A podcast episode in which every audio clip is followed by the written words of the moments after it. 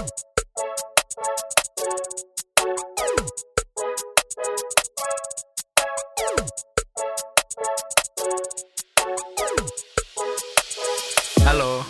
kembali lagi bersama saya Raihano Kaputra. Pada kesempatan kali ini saya sedang bersama Ketua Himpunan Mahasiswa Mesin Universitas Mataram periode 2019-2020, Bang Dodi Karismayadi. Halo Bang, Halo. gimana kabarnya Bang? Baik, baik, baik. Sekarang ada kesibukan apa aja nih Bang? Ya, eh, terkait kesibukan sekarang ini udah di penghujung kepengurusan, jadi kesibukannya hanya tinggal LPJ saja, laporan pertanggungjawaban. Karena persi- karena kita persiapan terapum. Oh jadi udah mau selesai ya Bang dari kepengurusan Bang Dodi sendiri ya? Ya, sudah mau selesai. Nah mungkin nih bang dari para pendengar belum ada yang terlalu mengenal sosok ketua umum dari Himpunan Mahasiswa Mesin Universitas Mataram. Mungkin bang Dodi sendiri bisa memperkenalkan diri kepada para pendengar. Harus ya? Harus. Ah, Oke oke. Jadi kenalin eh, saya Dodi Karismayadi, saya angkatan 2017, sekarang saya semester 7. Eh, saya kalau di himpunan saya punya angkatan juga, jadi namanya itu angkatan Mechanical Camp 18. Angkatan Mekanikal 18 apa itu ya bang? Mungkin dari para pendengar uh, masih ter- sangat awam itu dengan Mechanical Camp itu sendiri. Bisa dijelaskan apa itu Mechanical Camp bang?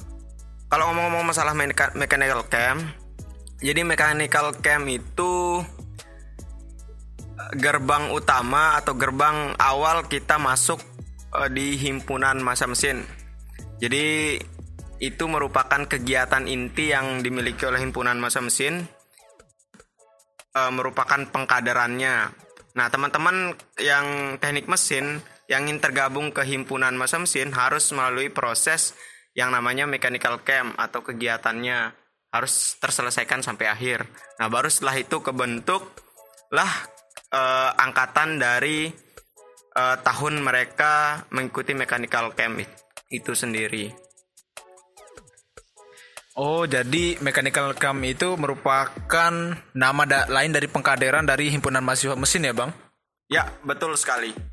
Nah, sedikit saya bertanya soal Mechanical Camp. Biasanya di Himpunan Mahasiswa Mesin, penerimaan anggota baru biasanya dimulai sejak kapan ya, Bang? Nah kalau untuk eh, penerimaan mahasiswa mahasiswa baru ya untuk di tahun 2000 2020, nah ini kita melaksanakan di tahun 2021. Nah karena masuk ke kepengurusan yang berikutnya, Nah, kayak begitu. Jadi angkatannya nanti itu angkatan masuk di MC 2021 nanti. Wah, info yang sangat bagus untuk mahasiswa baru terutama jurusan teknik mesin di Universitas Mataram ya, Bang? Ya benar sekali. agar bisa bergabung ke keluarga besar himpunan mahasiswa mesin. Nah ngomong-ngomong terkait mechanical camp, tadi dijelaskan mechanical camp itu merupakan salah satu proker dari himpunan mahasiswa mesin di kepengurusan Bang Dodi. Nah, saya jadi penasaran mengenai proker-proker lain yang ada di himpunan mahasiswa mesin pada kepengurusan Bang Dodi kali ini, Bang. Ya, kalau untuk program kerja kita bagi jadi dua nih program kerja itu ada program kerja inti sama ada program kerja sisipan. Nah, kalau untuk program kerja inti itu ada tiga. Nah, ini ada mechanical camp atau open recruitment untuk eh, teman-teman mesin yang mau bergabung dengan keluarga besar himpunan masa mesin. Kemudian ada LDK, latihan dasar kepemimpinan. Kemudian ada RAPUM. Nah, kemudian ada kegiatan eh, sisipan mulai dari SCTM, sosialisasi jurusan teknik mesin, kemudian silaturahmi, kemudian ada bukber, bakti mesin, ada studi ekskursi. Wah, jadi lumayan padat juga ya proker yang ada di himpunan mahasiswa mesin. Terkait proker juga, Bang. Pada masa sekarang, masa pandemi, kan sekarang banyak tentu saja banyak kendala yang akan dihadapi oleh himpunan mahasiswa mesin untuk menjalankan proker-proker yang sudah direncanakan. bagaimana di kepengurusan Bang Dodi apakah ada beberapa proker yang terhambat dikarenakan pandemi atau yang tidak jalan prokernya Bang? Ya, kalau dibilang terhambat ya benar sekali karena kita ngikutin keadaan sekarang ini di masa pandemi yang sifatnya kegiatannya online. Tapi sempat beberapa kegiatan yang kita lakukan di awal kepengurusan sudah kita laksanakan kegiatannya offline karena belum masa jayanya COVID ya kalau misalnya kita bilang. Nah, cuman di akhir ini kita punya uh, kegiatan yang namanya studi ekskursi. Nah, itu nanti kita uh, buatnya sifatnya online. Nah, kemudian setelah itu baru nanti rapum. Nah, LPG-nya saya di sana. Wah, jadi tentu berpengaruh juga ya pandemi kepada kegiatan-kegiatan yang sudah direncanakan dari himpunan mahasiswa mesin itu sendiri. Terkait organisasi, tentu saja Bang Dodi sebagai ketua umum tidak dapat bekerja sendiri ya, Bang. Ri, uh, tentu untuk merealisasikan program kerja saya ya saya punya tangan kiri dan tangan kanan ya kalau bisa dibilang. Ya saya punya sekretaris umum kemudian bendahara umum kemudian divisi-divisi yang membantu juga ada lima divisi mulai dari divisi kaderisasi kesekretariatan kemudian di Medkominfo advokasi dan di Tebang. Jadi di Tebang itu penelitian dan pengembangan. Nah itu saja yang membantu saya dalam kepengurusan uh, untuk merealisasikan segala program kerja yang sudah disusun uh, sedemikian rupa tadi. Nah, tadi Bang Bang Dodi sudah menjelaskan tentang divisi-divisi yang sudah Bang Dodi bentuk pada kepengurusan Bang Dodi. Untuk para pendengar mungkin bisa dijelaskan kepada para pendengar mengenai tupoksi-tupoksi apa aja yang ada pada tiap divisi yang sudah Bang Dodi bentuk. Ya, jadi bicara tentang divisi ada lima divisi yang sudah saya sebutkan. Uh, kita mulai dari divisi kader kaderisasi dulu. Jadi kaderisasi ini dia itu uh, mengkader anggota ya atau istilahnya menyambung silaturahmi antar anggota. Jadi biar uh, keadaan apa pun teman-teman anggota terus di backup gitu biar kalau teman-teman pengurus butuh bantuan jadi uh, teman-teman kaderisasi lah yang memilih atau yang meminta bantuan ke uh, anggota untuk memenuhi kebutuhan dari uh, kepengurusan. Nah, untuk kader untuk kesekretariatan itu yang mengurus sekret dan semua inventaris yang ada. Terus ada Medkominfo, media komunikasi dan informasi, dia itu mengurus semua media atau istilahnya uh, sosmed lah dan penyebaran informasi beserta hubungan masyarakat dengan uh, saudara jauh atau teman-teman dari himpunan lain yang berkunjung ke uh, himpunan masa mesin. Nah, kemudian ada advokasi sebagai juru bicara dan mengatasi masalah internal dan eksternal, mulai dari permasalahan dari anggota maupun dari uh, kepengurusan itu sendiri. Kemudian ada lead bank. Nanti lead bank itu uh, sifatnya penelitian dan pengembangan jadi mengurus minat bakat dan pengembangan skill soft dan hardnya uh, terkait anggota ya atau SDM lah. Oh jadi itu saja ya tupoksi yang ada dari divisi yang sudah dibentuk pada kepengurusan Bang Dodi. Sedikit saya singgung nih Bang mengenai tupoksi tadi yang sempat Bang Dodi jelaskan yaitu untuk meningkatkan soft skill dan hard skill untuk anggota. Nah bisa Bang Dodi uh, beri contoh apa saja kegiatan yang dilakukan dari kepengurusan untuk meningkatkan soft skill dan skill hard skill untuk para anggota.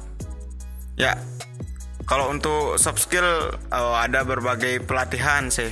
Di sisi lain juga uh, dan hard skill ada juga kita siapkan pelatihan dari masing-masing divisi yang ada dan mulai pelatihan uh, yang mendukung dalam pembelajaran ya ada pelatihan inventor, pengelasan, kemudian kalau yang sifatnya media itu ada pengelatihan uh, desain dan sebagainya. Tetap kita selalu uh, menerima ya masukan dari anggota terkait dengan pelatihan apa yang sekiranya bisa kita lakukan. Jadi karena sifat dari pelatihan ini dia masuk ke program kerja sisipan atau program kerja yang diusungkan dari divisi. Ya, seperti itu. Nah, dari beberapa banyak manfaat yang sudah dijelaskan oleh Bang Dodi tentang sebuah organisasi himpunan mahasiswa mesin. Nah, pertanyaan terakhir deh Bang, tentang pentingnya organisasi itu, terutama kepada mahasiswa baru jurusan teknik mesin Universitas Mataram yang ingin bergabung ke keluarga besar himpunan mahasiswa mesin Bang.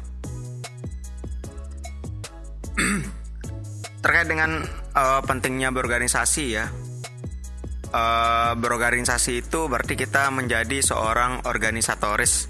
Ini kita belajar cara mengorganisir, terus mengarahkan, uh, memiliki tujuan utama suatu organisasi itu yang kita golkan. Cuman kalau terkait dengan teman teman-teman sendiri yang ingin belajar di organisasi itu meningkatkan istilahnya soft skill bahkan bisa meningkatkan hard skill dari teman-teman sendiri. Belajar organisasi itu sebenarnya peduli terhadap orang banyak dan tentu berguna untuk orang banyak. Karena menjadi seorang organisatoris itu bukan sekarang atau nanti, tapi setelah melalui berbagai proses yang akan kita lakukan, kita bisa apa namanya membuka mindset kita uh, dalam mengambil tindakan. Jadi kalau teman-teman uh, ber, berpikiran sempit mengenai organisasi itu salah. Jadi karena organisasi itu sangat luas bukan hanya belajar mengenai kegiatan-kegiatan kegiatan saja.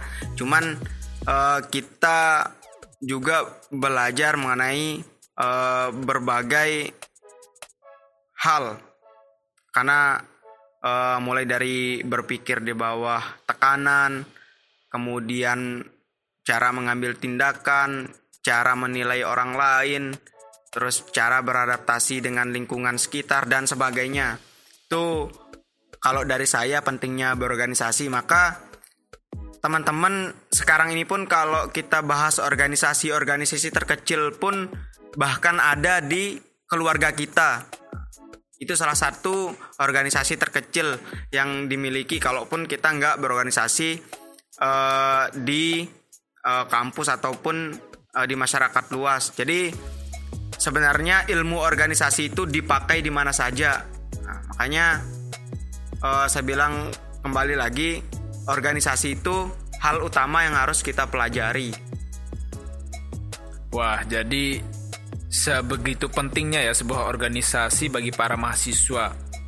Terima kasih kepada Bang Dodi sudah menyempatkan hadir untuk mengisi episode podcast pada kali ini. Terima kasih ya Bang. Ya, sama-sama. Mungkin itu saja pembahasan kita pada episode kali ini. Nantikan episode kami selanjutnya. Terima kasih.